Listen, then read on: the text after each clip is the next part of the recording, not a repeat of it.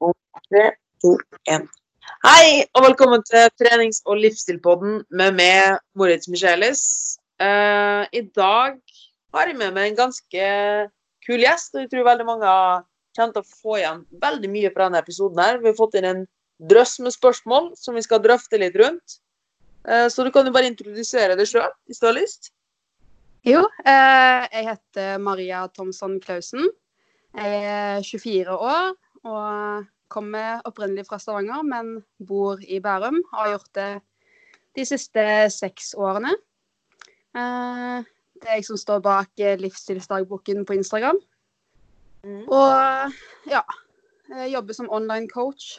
Eh, trener, studerer, jobber. Ja. Hva studerer du? Eh, jeg har eh, Akkurat nå så er jeg tilbake på skolebenken på videregående, kan du si. Jeg, Jeg tar, eh, jeg, tar opp en, eller jeg tar en del fag som jeg ikke har hatt, for å kunne mm, komme videre på klinisk ernæring i Oslo. Ja, så kult. Så dette året så er det biologi, kjemi, matte, fysikk og eh, samfunnsfag. Å, jeg husker jeg elsker fysikk. Ja, jeg er litt, eh, jeg er litt mer på kjemien, da. Men eh, fysikk, det kommer seg, det òg. Ja, han pleier å ha sånn én eller to ting som han liker best. Men Ja. ehm, hva var grunnen til at du ehm, Eller hva var grunnen til at du må ta opp så mange fag? Eh, nei, det er egentlig mest fordi man må ha kjemi 1, kjemi 2 og fysikk for å komme inn på klinisk ernæring. Ja. Og så er snittet Det er ikke sånn jo, Det er jo høyt, eller ikke like høyt som medisin, men man skal jo studere medisin i typ to år, så det er jo et visst krav for å komme inn. Og så er det ikke så mange studieplasser heller. Ja, det er vel en ganske, et ganske lite nøkkelhull. Mm. Så jeg tenker at det er bedre å være på den sikre siden og ja, gjøre det jeg kan for å kunne komme inn i år. Absolutt. Mm. Eh, hvordan kom du inn på at du hadde lyst til å studere ernæring, klinisk ernæring? da? Hvordan, hvordan kom opp interessen din for ernæring? Eh, det starta vel egentlig for nesten ti år siden.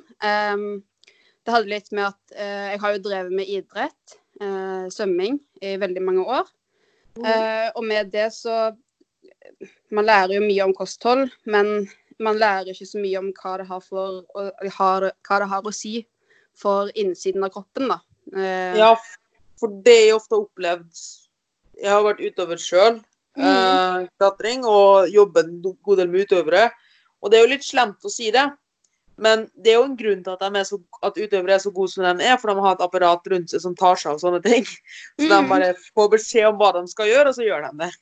Ja, det er akkurat det. Og, men min greie var jo det at eh, da jeg var 13, så var jeg på treningsleir. Og så eh, På den tiden så hadde jeg et ganske dårlig kosthold. altså Da snakker vi McDonald's type to ganger i uken.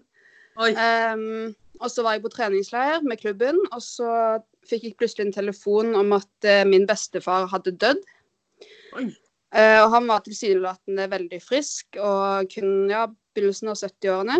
Eh, og jeg var veldig sprek og alt det her. Så ble jeg litt sånn Hvordan kan en så frisk og oppegående mann plutselig bare dø av hjerteinfarkt eh, uten noe forvarsel, da? Eh, og det var vel da jeg på en måte begynte å se litt mer på hva har egentlig mat å si for innsiden av kroppen. Hva kan det gjøre på sikt, ikke bare på utsiden av kroppen. Så var det jo vel kanskje da jeg begynte å liksom se litt mer på hva en ernæringsfysiolog gjør, gjorde, og litt sånn. Men eh, så tok jeg jo ikke de fagene som skulle til for at jeg kunne bli ernæringsfysiolog med en gang. Eh, eller studere det. Så ja. Det var vel egentlig det. Hvor lenge har du drevet med svømming? Og... Jeg var i bassenget første gang da jeg var seks uker gammel. Oi. Ja, så jeg har vel egentlig vært i bassenget hele livet, men jeg bestemte meg vel jo for, altså, for å satse da jeg var 12-13 ca. Da gikk jeg liksom all in. Og hvilket nivå er det vi snakker om, hvis du vil fortelle om det? Um, jeg har vært innom eh, juniorlandslaget i fire år, og så Oi. har jeg vært med uh, til nordisk og ja, de minste internasjonale stevnene og vært med i norgestoppen en god stund. Ja, det er jo Det er, jo, det er vel kanskje en av de hardeste idrettene, vil jeg si, å komme så høyt i. Ja, det er små marginer, altså. Det er det. Det er jo mange Mm. timer i bassenget der. Ja, det er det. Så det er en veldig Og så er det ikke så mye penger heller, så man gjør det jo egentlig av ren glede. Det er litt sånn den målsetningen man har. Kjenner meg godt igjen på klatringa der. Ja, ikke sant? Det er akkurat det. Men hva var grunnen til at du slutta? Eller ikke satsa lenger? Mm, det Ja, jeg slutta jo for ett og et halvt år siden.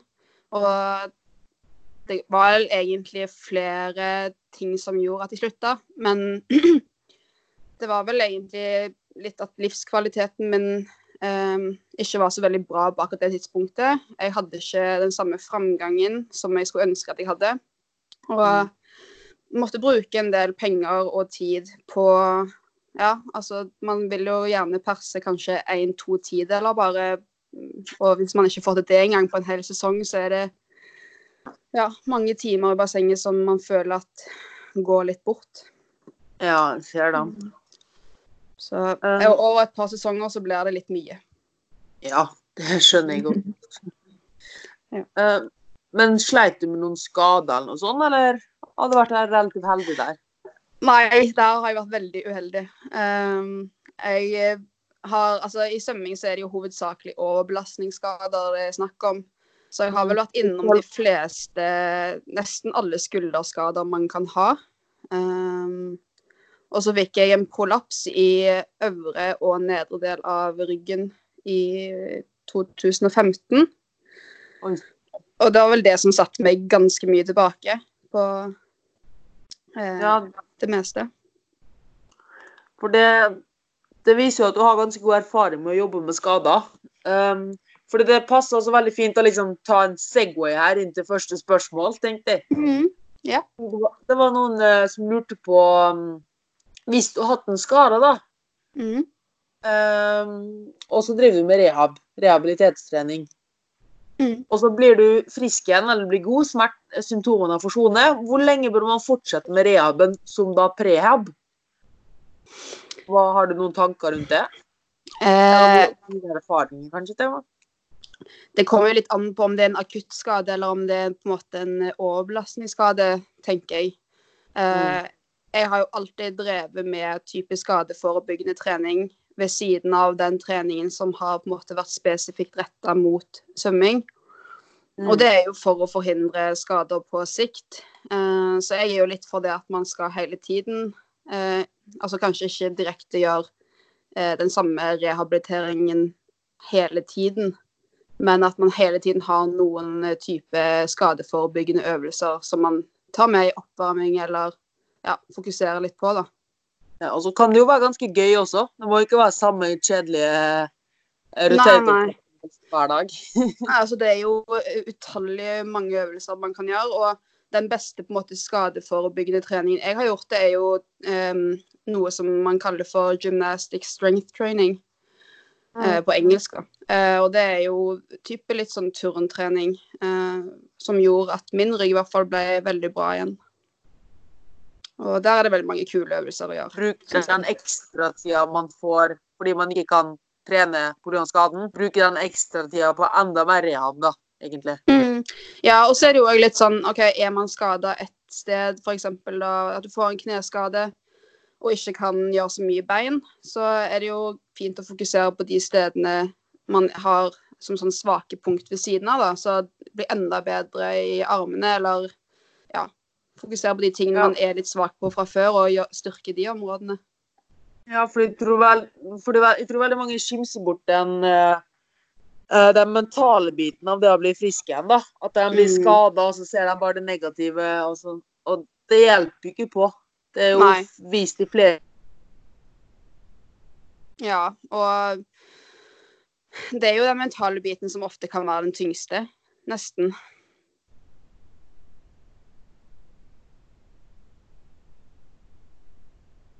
Andre ting jeg jobber med. Jeg Hørte du meg nå? Sånn, nå kom du tilbake. Ja. Bra. Eh, det, det siste jeg sa, var før jeg datt ut, var at ja, det mentale At det er veldig viktig å komme til gamle lokasjoner og gå, gå på gamle gym igjen og møte de samme folka, ikke bare isolere seg sjøl, da. Ja, Og dra ut. Ja, og det er litt sånn eh, Prøve å Det er jo lett å si når man på en måte ikke er skada, men eh, når man står i det, så er det jo viktig å på en måte gjøre ting som kan virke positivt inn i hverdagen, da. Og heller eh, ta det for det det er, og jobbe med det. Og Mm. Ja. Jeg har jo en veldig god erfaring med, med å alltid kombinere den kjedelige tingen som minner på skaden din, da. Altså rehabiliteringen med noe kjekt. For Ja. eksempel hvis de har noen som er veldig dårlig på Hvis jeg har vondt kne, da, for eksempel, og ødelagt Mm. menisken eller noe sånt, men syns det er ekstremt gøy å benke, ta benkpress, så tar vi eksempel benkpress, og i pausen på benkpressen, da, så har du eksempel da balanse eller en eller annen rehabøvelse for kneet, da. I Ja. stedet for å bare i stedet for å bare sose inn på trening Å nei, nå skal vi holde på med en time med rehabilitering. Blæh. Ja, absolutt. Uten tvil. Eh, og det er jo litt sånn der eh, Jeg er jo veldig for det at trening skal være gøy. Eh, og da er det viktig å på en måte finne ut hva er det som gjør at treningen blir gøy for min del, da. Eller for, ja, for den som har akkurat det problemet, eksempel, da. Så for å svare konkret, så egentlig Man bør egentlig aldri slutte med prehaben. Bare steppe opp prehaben hvis skaden inntreffer. Ja, uten tvil. Mm. Mm. Og samme person spurte også hvis du da har en øvelse da, som du har funnet ut ok, denne øvelsen fører til smerte, um, bør du da bytte øvelse, eller bør du hva tenker du, eller bør man finne ut hva som er galt? Eh, Jeg er jo litt sånn Har du fått en øvelse eh, fra f.eks. fysioterapeut eller noen som har vist en øvelse som skal på en måte forebygge, da. Mm. Og hvis den gjør vondt på akkurat det området der du har en skade, så vil jeg nødven- nødvendigvis ikke presse det området noe mer. Eh, samtidig så er det litt å på en måte kjenne etter hvor stor er den smerten. Er det litt som bare bitte litt, så er det jo ikke noe eh, Da er det ofte positivt i tillegg. Det jo Ja, det er akkurat det. tyder mot at det å trene med lett smerte er bra. Mm, og det er litt sånn Hvor på smerteskalaen er det? Er det fem? Er det syv? Er det ti av ti? Så er det kanskje ikke så lurt å presse så mye mer. Mm. Veldig bra sagt. Mm. Skal vi hoppe inn på litt mer, eh, siden vi var jo litt inne på det allerede, ta litt sånn mentale ting? Mm. Um, for det er noen her som spør um, Hvordan Eller man spør om tålmodighet kan trenes opp. ja, det tror jeg. Mm. Og så i Eh. samme, i samme spørsmål så kan tålmodighet trenes opp.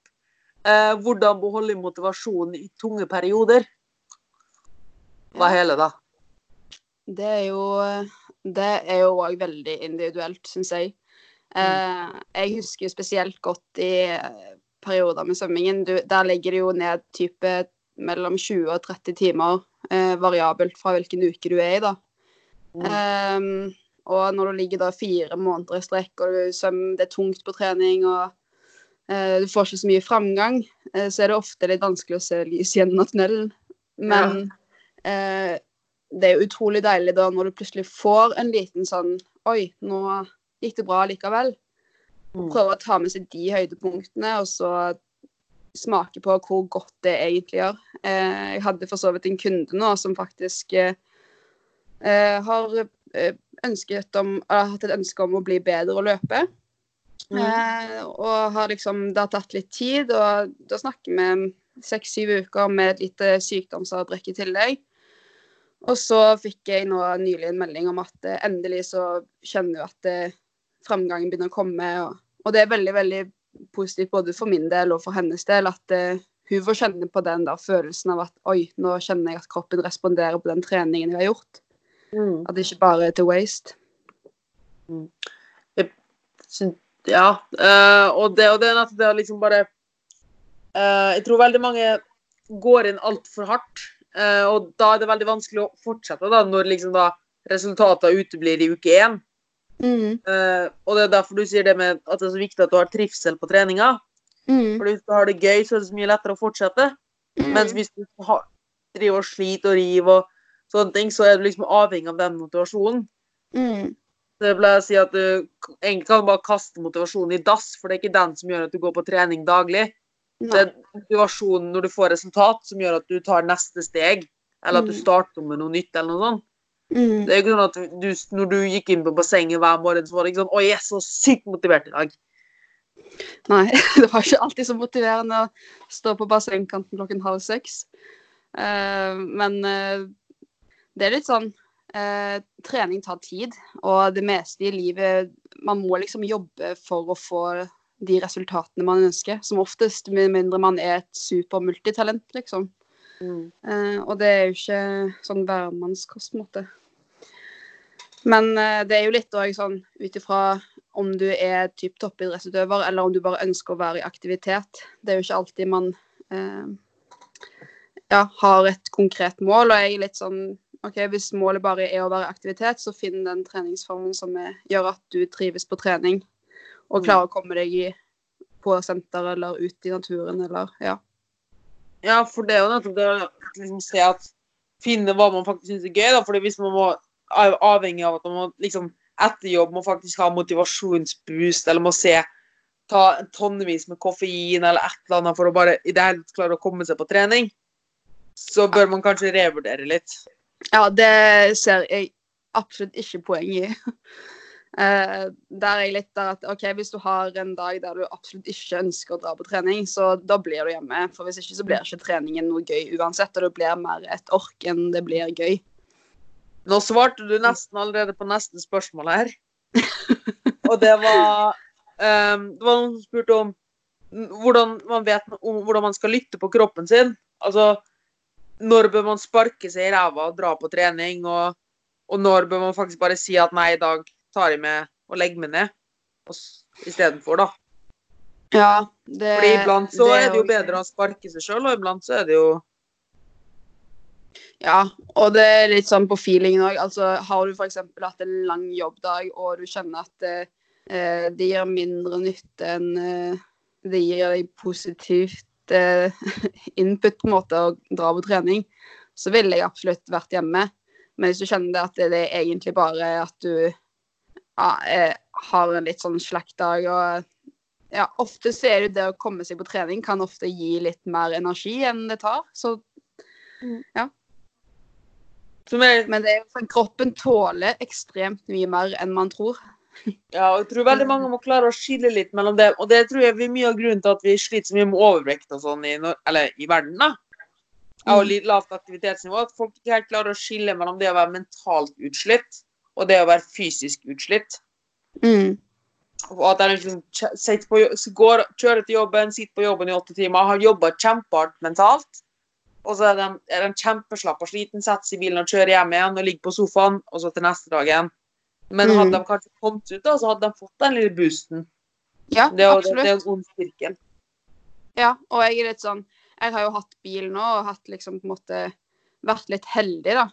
Men nå har jeg funnet ut at jeg skal prøve å bruke beina mye mer og prøve å spare miljøet litt. Så jeg har jo planer om å selge bilen min nå og prøve å liksom ja, bruke den hverdagsaktiviteten som eh, man kan ta nytte av, og gjøre, liksom, bruke den, da.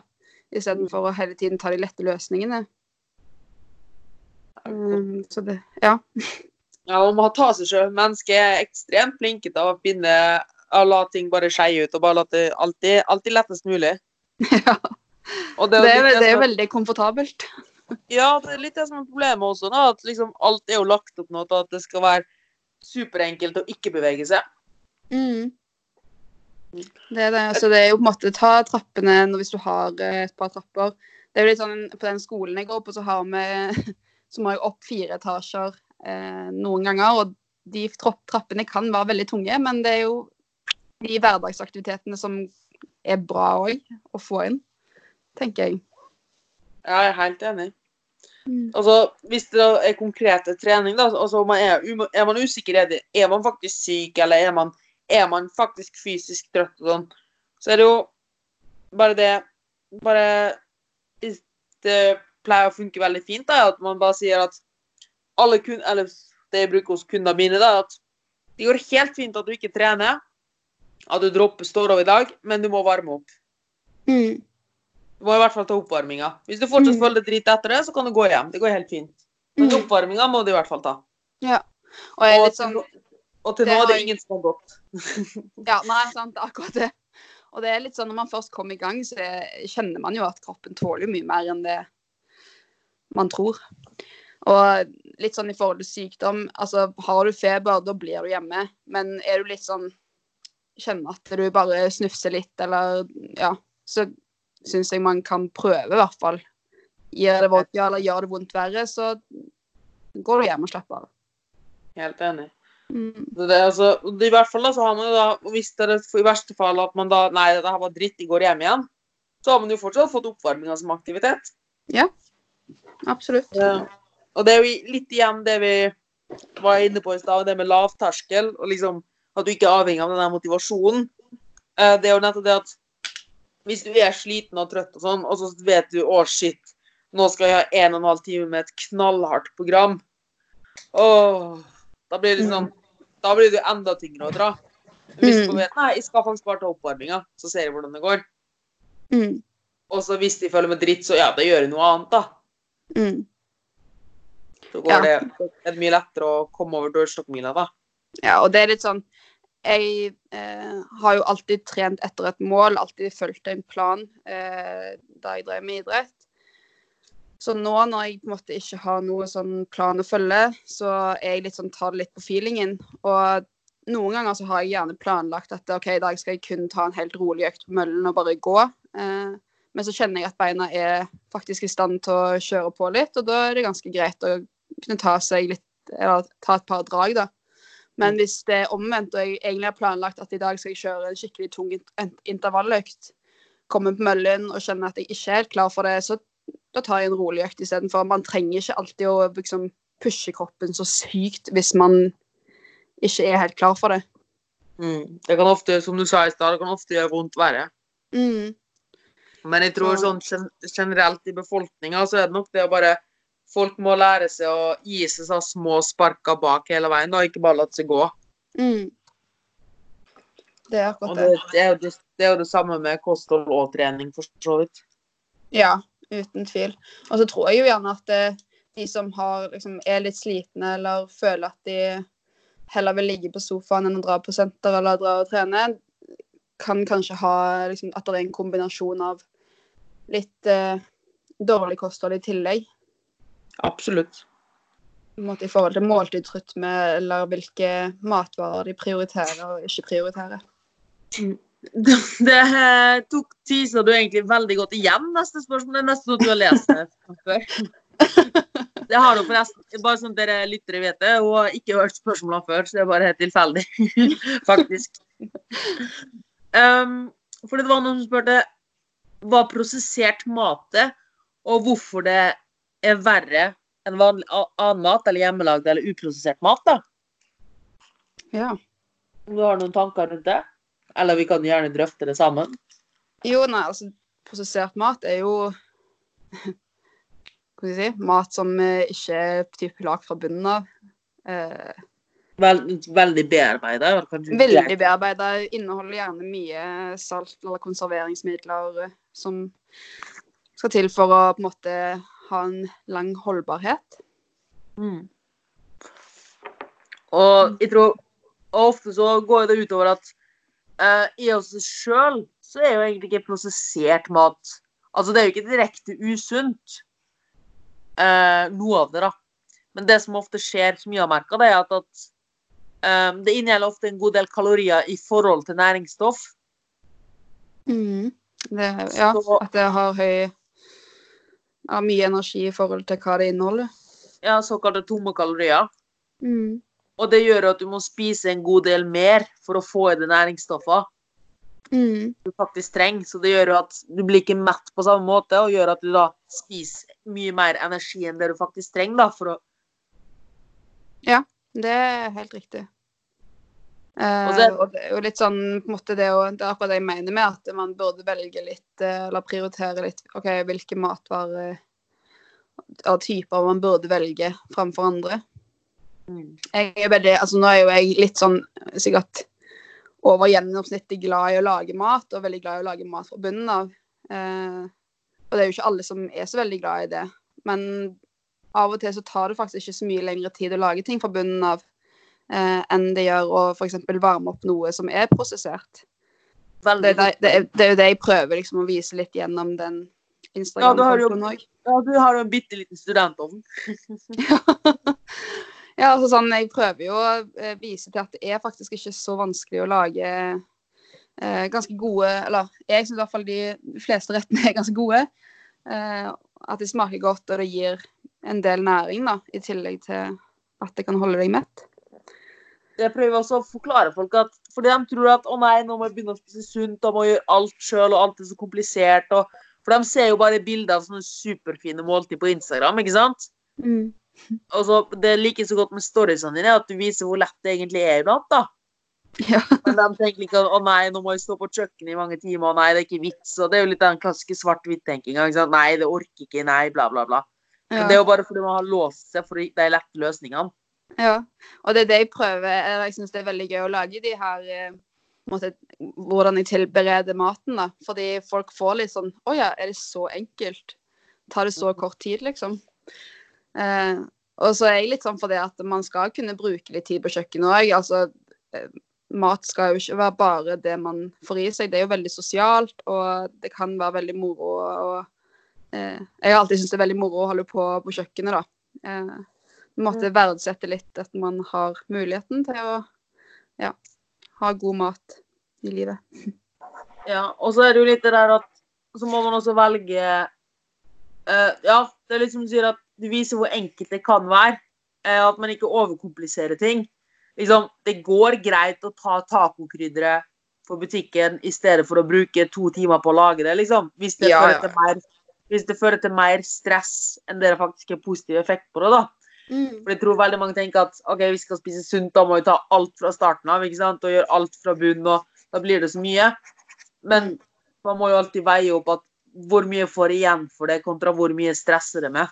Ja, og så er det jo liksom det der med en balanse, da. Altså, man trenger ikke å lage tortillalefsene fra bunnen av, eller tacokrydderet fra bunnen av. Det er jo litt sånn Det går helt fint å spise de tacolefsene som er i butikken. Eh, og liksom Ja. Men eh, da er det jo veldig fint å kunne bruke grønnsaker.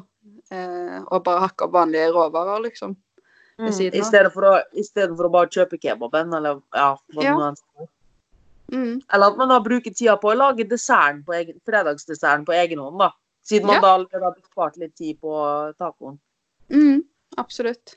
Så velge det som faktisk har noe å si, i stedet for å Ja, det er jo det derre uh, major in the minors, som det heter så fint. Jeg vet ikke hva det er på Mm. norsk.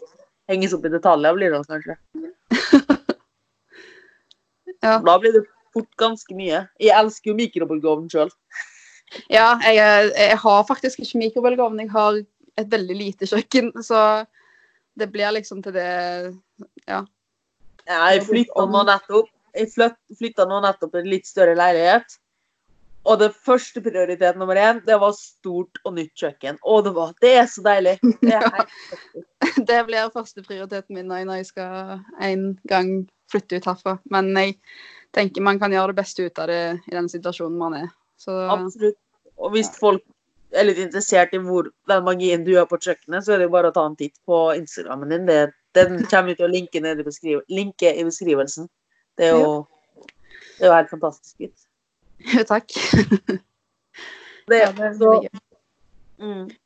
så fordi det var, Da svarte vi egentlig også litt på noen som spurte hvordan klarer du, eller dere, å spise Hvordan får dere tid å klare å spise sunt? Og det er jo rett og slett å velge, velge ut Prioritere hva som er vits å gjøre noe med, og faktisk sette av litt tid til det.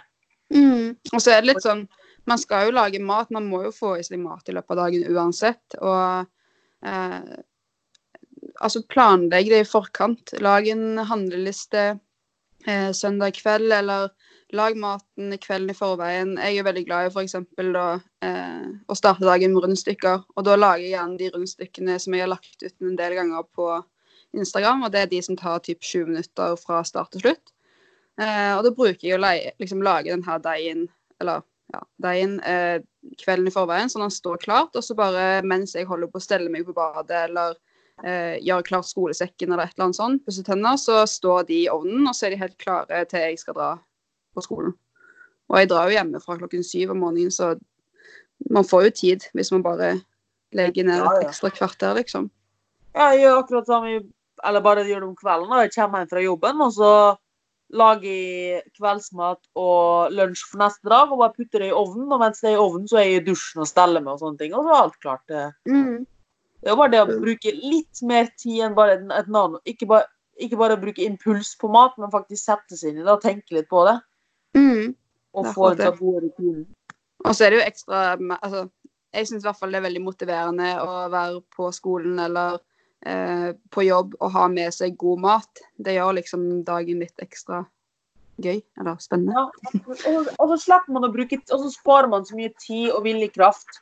Når man Mm. allerede har tatt med maten og vet i stedet for Og så penger, ikke minst.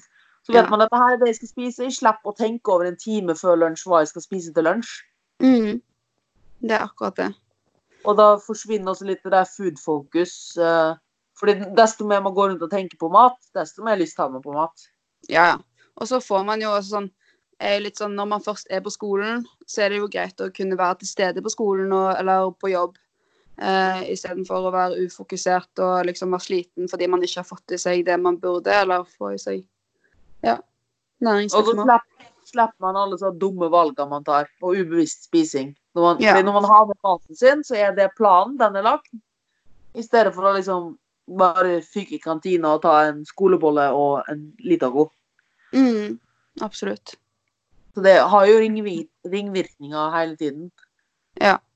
Det, det samme er jo egentlig også med treninga. Bare skriv Når folk sier sånn «Jeg har ikke tid til å spise sunt, jeg har ikke tid til å trening. Jo, du har tid, men du prioriterer det bare ikke. Mm. Og så er det jo litt sånn, sånn som jeg sa, det med komfortsone. Altså det er litt sånn eh, Å endre en livsstil hvis du har liksom et, et par med vaner, da. Så er det jo Mm. gjerne det å gå, at man går litt ut av komfortsonen. Eh, og det er jo ikke så veldig behagelig. eh, så, men det er liksom det å ta de små stegene hele tiden, og så til slutt så har man gjort et stort steg. Mm. Det som har hjulpet meg personlig veldig, da, er jo jeg har jo slitt veldig mye med tvangstanker etc. etter spiseforstyrrelser. da. Eh, og, men jeg er veldig åpen om sånne ting. og så er det alltid når jeg setter meg nye mål, og sånn da, så kan det virke veldig overveldende der og da. Mm. Eh, og så er det sånn eh, Det er veldig dritt å se og alltid OK, jeg skal helt dit, hvordan skal jeg få til det, bla, bla, bla, bla. bla. Det kan være ganske demotiverende. Og vi mennesker er veldig glad i små seire og små høydepunkt i løpet av dagen. ikke sant? Eller i løpet av tida. Vi blir veldig avhengige og vi blir glad i små belønninger. Så I stedet for å alltid se på det store målet, så se, men jeg er veldig dårlig på å sette meg delmål. Så det jeg gjør da istedenfor, er Oi! Jeg er, så, jeg er blitt så mye mindre elendig. Eller sugd så mye mindre. Jo, ja. For da jo- blir du det Ja, så da blir noe positivt. da. Ja, men det er jo sant, da. Det er jo litt sånn, og Jeg er jo veldig på det med delmål, og spesielt sånn for kundene mine. Synes jeg det er viktig, Uavhengig av hva på en måte hovedmålet er, så er det viktig å ha små delmål. da. Mm. Som man eh, liksom At man får de små seierne i hverdagen. Eller i løpet av dagen. Det er derfor det er også viktig å starte med lav, terskel, Det kan jo bare være at du går fem minutter etter middagen. Går det en tur fem minutter etter middagen? Og så når det er blitt en rutine, så har du fått en, opplevd en seier. Og så kan du gå Mm. videre til neste ting. Mm. For det, det er jo sånn der Nederlag det er, Vi hater nederlag, og det er så vondt å svelge. Men Mm. små seire, det er veldig greit. Ja. Absolutt. Det er sånn eh, Et eksempel er jo nå når jeg har liksom gått tilbake inn på videregående skoletyp, da. Mm. Og hovedmålet mitt er å komme inn på klinisk ernæring nå til, til høsten. Og, og det å liksom starte nå i august og starte helt fra scratch, det var ikke så veldig motiverende. Men det var liksom sånn OK, ta én dag om gangen, gjør det beste du kan. Gå gjennom de eksamene du skal ha, og så Nå plutselig så er det bare to måneder igjen. Eh, det har gått kjempefort, og man må liksom bare ta én dag om gangen, ta én time om gangen.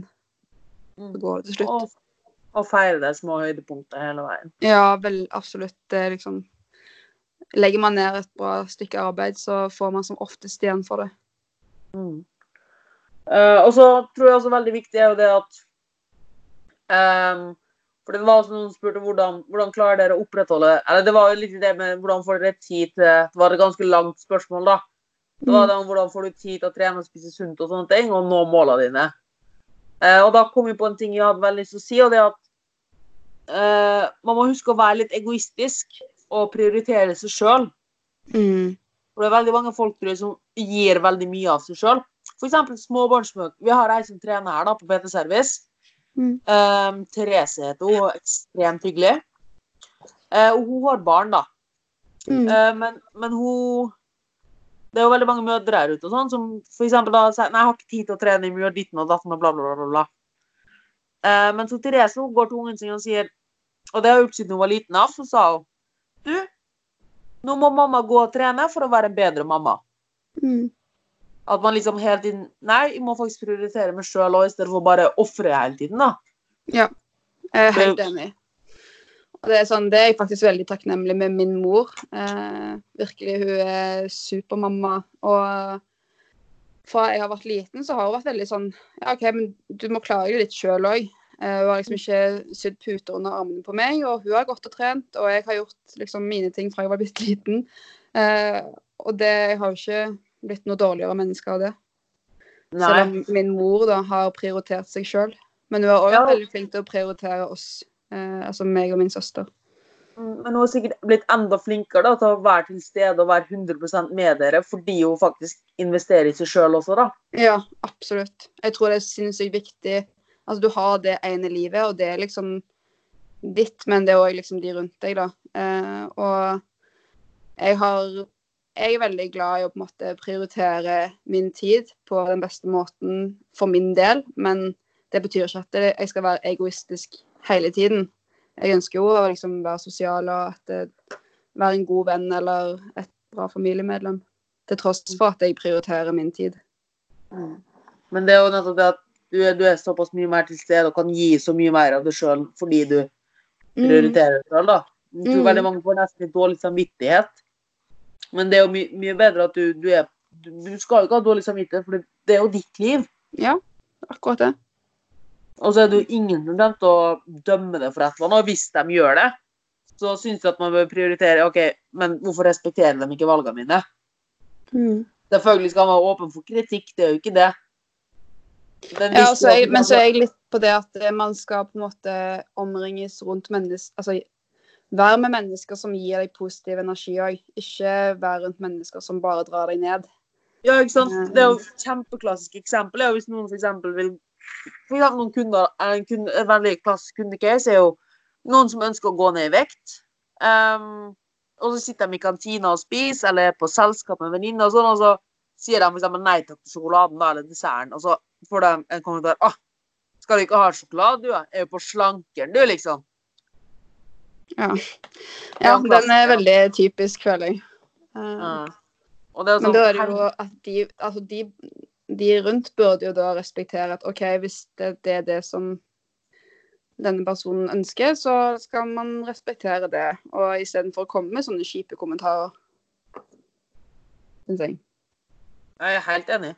Det, bare, for, hadde bare folk hatt litt mer respekt for hverandre, og, og så må man alltid velge, da. Er, okay, er det verdt å være med denne personen hvis den alltid bare drar meg ned i sørpa? Mm.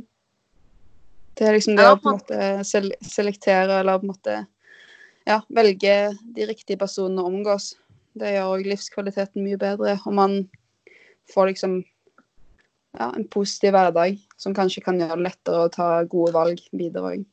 Ja, og det, det går jo igjen for alt. For trening, spising, jobb. Det er liksom, det er så mange, tror jeg, som bare slepes gjennom noe. F.eks. At de slepes gjennom jobbuka for å komme til helga, da.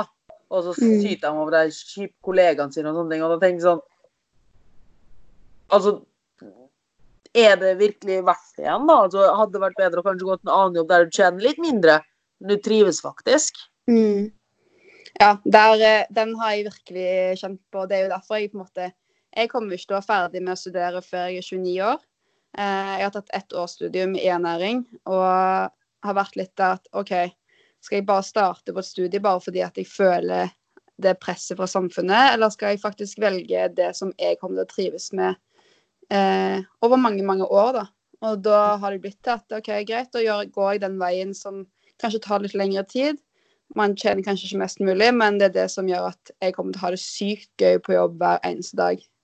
Ja, jeg er ak jeg er akkurat samme steget nå. Jeg hoppa jo til en bachelor i astrofysikk. eh. Ja, ikke sant? Hadde, nå hadde jeg snart hatt den ferdig, uh, men jeg slutta ganske tidlig, egentlig, bare fordi jeg merka at nei. Men det var jo liksom det akademiske presset litt. da, Nei, du må liksom hoppe videre på studiet og bare fortsette. Nei, studere og Mm. Ja, og det er liksom da er det viktig å på en måte ta de valgene som er best for deg sjøl, Ja. og ikke bare lytte til hva alle andre sier. Og så hva er ideelt, og hva er Eller hva Du må alltid vurdere Ja, dette her er det. Det her er jo igjen, da. Kan, det, det er så mange ting som man kan reflektere igjen innen trening og kosthold, da. Er jo hva er optimalt, eller hva er det beste, og hva er optimalt for det.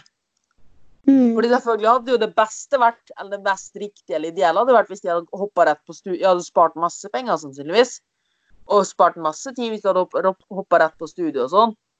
Uh, men hva er vitsen Eller det beste treningsprogrammet og sånn, men hva er vitsen hvis du ikke trives med det? Nei. Det er akkurat det, det- som er Ja, man kan relatere det veldig til både trening og kosthold, uten tvil. Mm.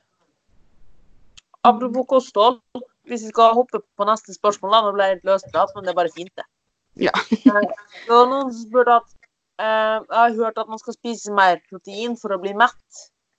Eh, men jeg føler at Eller vedkommende skrev i anførselstegn Spis protein for å bli mett, men jeg føler jeg blir mer mett av pasta med karbonadedeig enn eh, en biff, bacon og salat.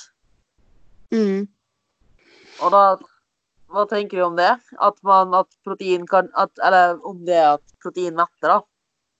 Ja, protein Altså, det her er jo igjen det Spørsmålet her har jeg fått før. Eh, hva som på en måte er det mest eh, mettende næringsstoffet. Men jeg er litt på eh, hva som eh, gjør deg mett. Altså hvis det er pasta og eh, som funker best, så spiser du det. Eh, for min del, for eksempel, så funker fullkornsrundstykker eller havregrøt veldig bra. Eh, hvis, liksom, å starte dagen med, eksempel, da. Mens for andre så kan det kanskje være egg og avokado. Altså om det er en fettkilde eller om det er proteinkilde som gjør at du holder deg mest mulig mett i løpet av dagen. Så ja, det er jo veldig individuelt igjen. Jeg har Ja. noen venner som eh, blir kjempesultne etter en hel skål med havregrøt, liksom. Og det gjør jo ikke jeg. Så det er jo litt sånn opp til en- hver enkelt. Jeg husker jeg prøvde lav, jeg husker jeg prøvde lav karbo for en periode. Og jeg er veldig glad i å spise, da.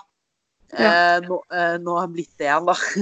Mm. Eh, og da er det sånn Jeg syns det er så trist. For dem det funker for, å bli kjempegod og mett og miste sultfølelsen sånn når de spiser lavkarbo eller ketogent, kjempeflott.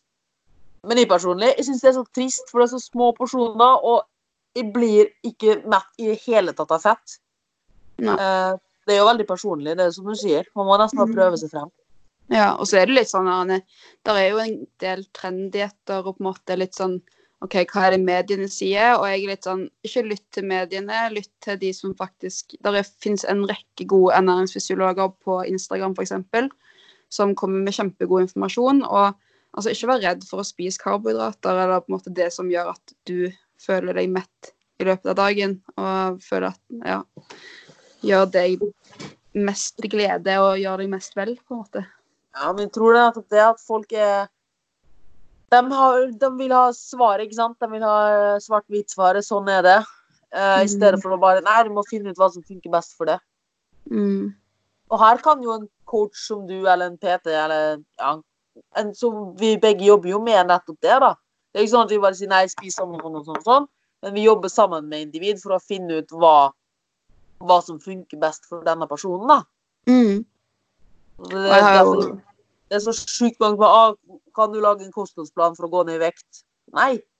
Vi må finne ut av det sammen.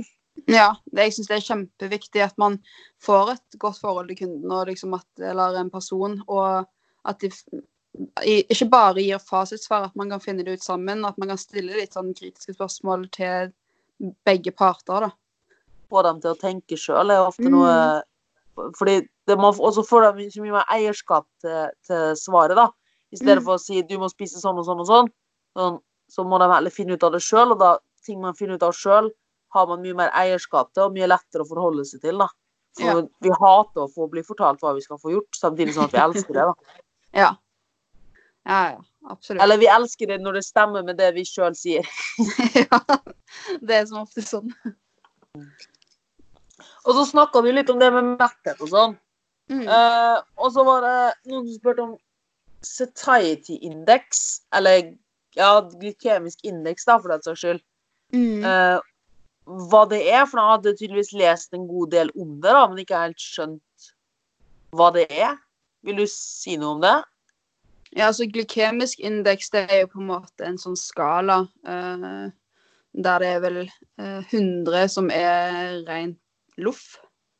Eh, og så er det på en måte da egentlig eh, Altså det er jo på en måte en karbohydratindeks, eller hvordan man kan rangere eh, type karbohydrat fra, en, nei, fra 100 og nedover.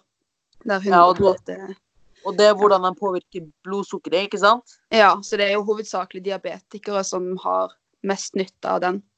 Ja, så det er en litt sånn klassisk major in the minors-greie, da, som egentlig ikke har så mye å si. Nei, så jeg ville ikke forholdt meg så mye til det. Altså, I så fall velge de matvarene da, som er lengst nede på denne skalaen. Altså 100 er jo da f.eks. ren loff. Jeg ville ikke gått eh, all in for å spise re ren loff hele dagen. Ja, for det, det, det har jo en veldig ugunstig påvirkning på blodsukker òg. Ja, for det, det, det er vel at desto høyere tallet, desto høyere blodsukker Desto fortere stiger og, eh, stiger og senker, senker blodsukkeret, stemmer det? Mm. Så hvis du velger da for eksempel altså, tror liksom havregryn eller eh, grovt brød for eksempel da, eh, ligger ganske lavt nede.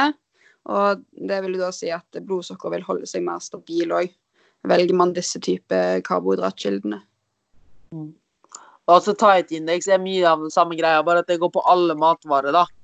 Mm. Uh, så da har du potet som rang, er rangert aller, aller, aller, aller øverst.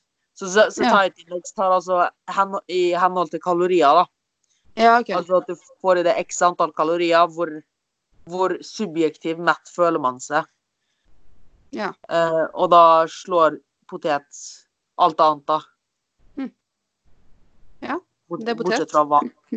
Potet is the way to go. Ja, jeg altså virkelig hyller den norske poteten, eller eh, ikke bare norske, men potet generelt. En veldig, veldig fin uh, matvare. Vet du forresten hvorfor det er så mange som har Det er en liten sånn fun fact. Vet du hvorfor det, folk er så redd potet? Sånn hvorfor de liksom Jeg ville først vil først og fremst trekke fra media at det bare kommer sånn oppslag 'poteten er farlig'. Men eh, nei, jeg har ikke rene fakta på det. Nei, det jeg har hørt, da, eller det jeg har lest litt om, er at eh, når Helsedirektoratet kommer fem om dagen, så sa Ja. de nei, potet er ikke med, for det inneholder for mye stivelse. Mm. Eh, og da drog jo folk bare ut for mye stivelse, men Ja. ikke resten av setninga i forhold til fem om dagen. Nei. Så da endte hun med nei, potet inneholder for mye stivelse. Ja, og så er det viktig å vite hva stivelse er. Ja, ikke bare tenke at det er for mye. Fordi stivelse er var bra. Ja, stivelse er helt fantastisk. Mm. Og så Det er jo litt det samme, går litt samme banen, men så var det Det er noen av de siste spørsmålene vi har. Um, det var noen som spurte om om frukt er sunt, eller om frukt For jeg har hørt så mye om fruktose og at det skal være så farlig. Ja, den vil jeg bare legge død med en gang. At eh, frukt eh, vil jeg absolutt fremme like mye som poteten. Eh, skal ikke tenke på det fruktsukkeret i det hele tatt som noe farlig. Eh, få i de fem om dagen. Og helst enda mer. Ja, pluss, pluss. Altså minst fem. Men har du noen Hvorfor er det at folk er blitt så opphengt i fruktose og sånn? Har du noe på det, eller? Er det kanskje litt veldig off guard? Uh, jeg har ikke satt meg helt uh, 100% inn i de mekanismene, eller hva som på en måte ligger bak den, de studiene, eller de på en måte artiklene som uh, har fremma at fruktose er farlig. Men jeg vet jo det at eh, eh, Ja. Det er absolutt ikke farlig, og det kan du òg se inne på Instagram på mange av de gode kontoene der du kan lese om fruktose og hvilken virkning det faktisk har. For jeg tror vel, sånn jeg har forstått det, da, så er vel egentlig fruktose eh, Det er jo Fruktose er dårlig for oss, altså i store mengder, da. Jeg tror det er et eller annet hvor den er Ikke kvoten på dette, her, men jeg tror det er hvor den er prosessert i nyra eller levra eller et eller annet sånt. At det, at det går en litt sånn dårlig omvei, da. Mm. Eh, men faktum er jo at frukt inneholder ganske lite fruktose i forhold til vanlig sukker. Mm. Eh, så når da folk ser at f.eks.: å nei, en banan inneholder 50% glukose, eh, så tenker de, så må du huske at det er 50% av totalmengden, og så er det totalmengden av kaloriene, så mengden er jo ekstremt liten i forhold av da for eksempel, fordi la oss si at sjokolade og banan inneholder begge 50 fruktose. Fordi sukker, vanlig sukker i sjokolade er jo også en blanding av fruktose og glukose. Mm. Um, så da la jeg si at begge disse matvarene inneholder totalt uh, 60, 60% sukker i hele liksom, kalori Av kaloriene er 60 kalorier sukker, da. Det er 60% av kaloriene sukker. Mm.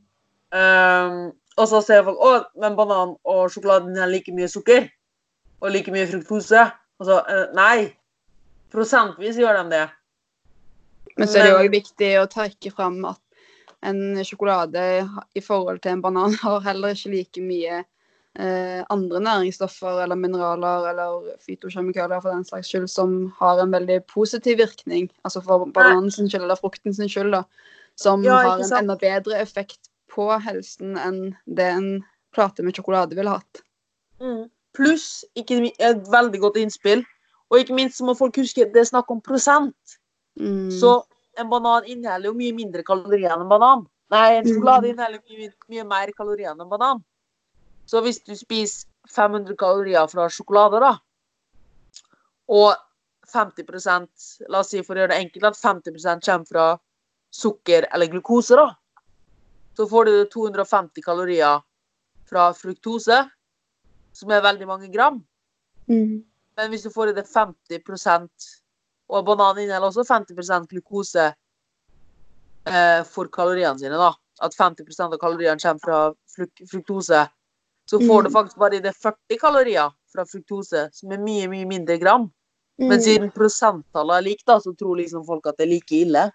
Ja. Men det kan jo f.eks. trekke frem i forhold til eh, saltmengde i enkelte matvarer òg. Eh, eller ja, for så vidt protein, f.eks. Det er jo det at eh, ost inneholder mer protein per 100 gram enn egg. Men et egg veier jo typisk mer enn du ville spist av ost. Så Mm. totalt sett så vil du jo få i deg mer for da, protein fra et egg enn du ville fått fra to skiver med ost. Ja, og det er Det er liksom det å ta og fram, liksom, se litt på helheten, ikke bare på tall. Ja, se ting i kontekst.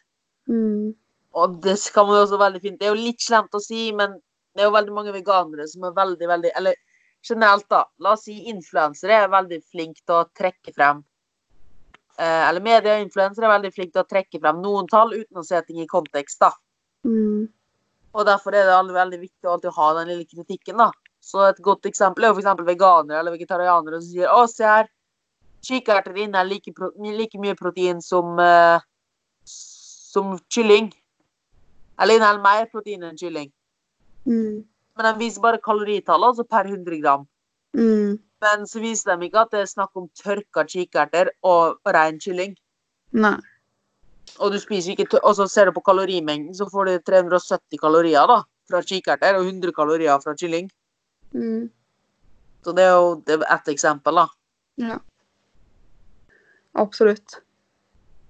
Så det er jo egentlig bare det å alltid se ting i kontekst og ha det lille kritiske. Og hvis man ikke har peiling, så spør noen som faktisk har peiling, da. Ja. Det syns jeg er utrolig viktig. Spør de som kan. Ja, og så hvis man lurer på hvordan man hvordan finner man noen som kan noe, har du noen tips om det, eller hvordan, hvordan vet man denne personen har sannsynligvis peiling? Er det noen kjennetegn du pleier å se? Eh, nei, altså De fleste som har peiling, eh, i hvert fall innenfor det området som jeg syns er interessant, da, som er ernæring, eh, vet du at personen har en eh, Altså, man trenger jo ikke alltid å ha den beste utdanningen, liksom. Det er jo ikke sånn. Men eh, har du tatt en bachelor innen samfunnsernæring eller ernæring eller en master innen ernæring, eller studert, studert dette over lang tid, så har man jo ofte, som oftest ganske god kunnskap. Eh, Mm. og de har det jo gjerne ofte i bioen sin, eksempel, da. Eller som en tittel. Så Og, mm. og så er det jo det Det er jo et veldig godt tips. Først og fremst å se på hva de har av Mm. utdanning, skulle jeg si. Mm. Mm. Og så er det noe i serie ofte veldig De som har peiling, eller den som er, de som faktisk kan det de prater om, de Ja. liker ikke å uttale seg veldig konkret. Eh. De, ser på ting veldig nyansert og etterspør som regel. Mm. Mens folk som gjerne har litt mindre peiling, da, er veldig bastant på, på det de sier, da. Og kommer ofte med litt mer ekstreme utsagn. Ja, og så er jeg litt på det at de som faktisk òg har en del kunnskap, de er òg veldig ofte interessert i å lære mer. Eh, og liksom de stiller òg kritiske spørsmål til seg sjøl, og hva de faktisk eh, kommer av utsagn eller påstander. Så Jeg vet ikke om du så det, men det var en av de nyeste påstandene til maksprestasjon. Eh, Så var det en eller annen som kom Det var et eller annet med karbohydrat. ja, jeg så det. Og så var det en eller annen person, da, skal jeg ikke nevne navnet, som kom med en veldig fin en Veldig, veldig sånn For folk som har kunnskap innen ernæring, da, så er det veldig fort å se at OK, her er det noen som er veldig, veldig bias. Mm. Um, men i stedet for at maksprestasjon bare sa at det var feil, da Maksprestasjon er en person på Instagram. Anders uh, Hva heter han? Nei, Andreas. Mm. Um, I stedet for å bare si nei, tulling, nå må du For det var tydelig bare bullshit, altså det han skrev tilbake. Altså Kommentaren var egentlig bare piss. Uh, men i stedet for at Max Andreas da skrev dette her er bare piss, så ertespurte han hvorfor, da. Hvorfor mener denne vedkommende dette her? Mm. Og det er jo et veldig godt tegn. Å liksom se at folk, litt, folk som er litt mer moderate, etterspør ting og er ivrig på å lære nye ting, er ofte deg man bør høre på, da, istedenfor folk som har veldig konkrete ståsted, Mm. eh, og ikke, ikke tør å utfordre tankegangen sin, da. Ja. Og det vil jeg òg trekke frem at Andreas er veldig flink òg på å eh, liksom stille spørsmål rundt sine egne tanker òg, og liksom hva han eh, legger ut på Instagram. Han, det er ikke som at han Ja, det var sånn godt, en god ting han sa, da, var jo det at eh, man kommer aldri til å lære absolutt alt innen ernæring, for det er altfor komplekst, egentlig, hele det feltet. Det kommer nye studier hele tiden. Eh, og det kommer til Altså, det er så lite lite forska på, det området. Det, de har kun forska på mat og ernæring i et par 10-20-30 år eller noe sånt. Og Mm. det kommer hele tiden nye studier, og ja, man kan aldri si liksom 100 eh, om de mekanismene som ligger bak.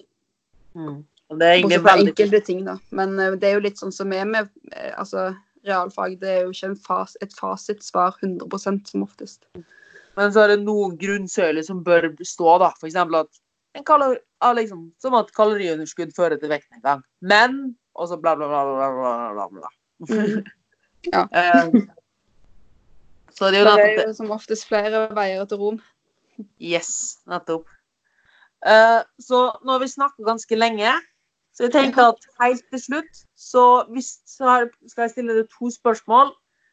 Først, har du ett konkret mattips? Et veldig kjapt mattips som folk kan bruke i hverdagen? Sånn at du bytter ut en eller annen ting, eller en eller annen ting som du merker å, som du har, føler at har revolusjonert matlaginga di? Oi. det er jo ikke ett tips, men eh, Nei, jeg er litt sånn eh, Ha en balanse. Det tror jeg er mitt beste tips. Ikke henge deg opp i at det skal være bare én måte på ting. Eh, ha en balanse mellom eh, å spise sunt og kose seg og det som gjør at du får det best hver eneste dag. Det var veldig bra sagt. Og så siste spørsmålet som vi stiller til alle som vi snakker med, det er Hvis du hadde møtt deg sjøl for ti år siden, med den kunnskapen du har i dag, hva hadde du sagt til deg sjøl? Mm. Det kommer til å ordne seg. det var fint sagt. Tusen takk for at du tok deg tid til å snakke med meg i dag. Det var veldig hyggelig å få være med. Ja, og så skal jeg linke til Instagrammen din i episodebeskrivelsen. Eh, Så folk kan ta kontakt med deg. Der er vel alt av din kontaktinformasjon står vel der hvis folk skulle hatt interesse i å komme i kontakt med det, bli coacha av det. Og ellers så anbefaler jeg alle å ta en titt på profilen din for å se For å få gode mattips, da. Det er jo latterlig mye du legger ut der. Ja. det kommer mye mer òg, så det bare følg med. Ja, så da sier jeg tusen takk for at du ville være med. Ja, Tusen takk. Ha en god søndag videre. Takk i like måte. Ha det. Ha det.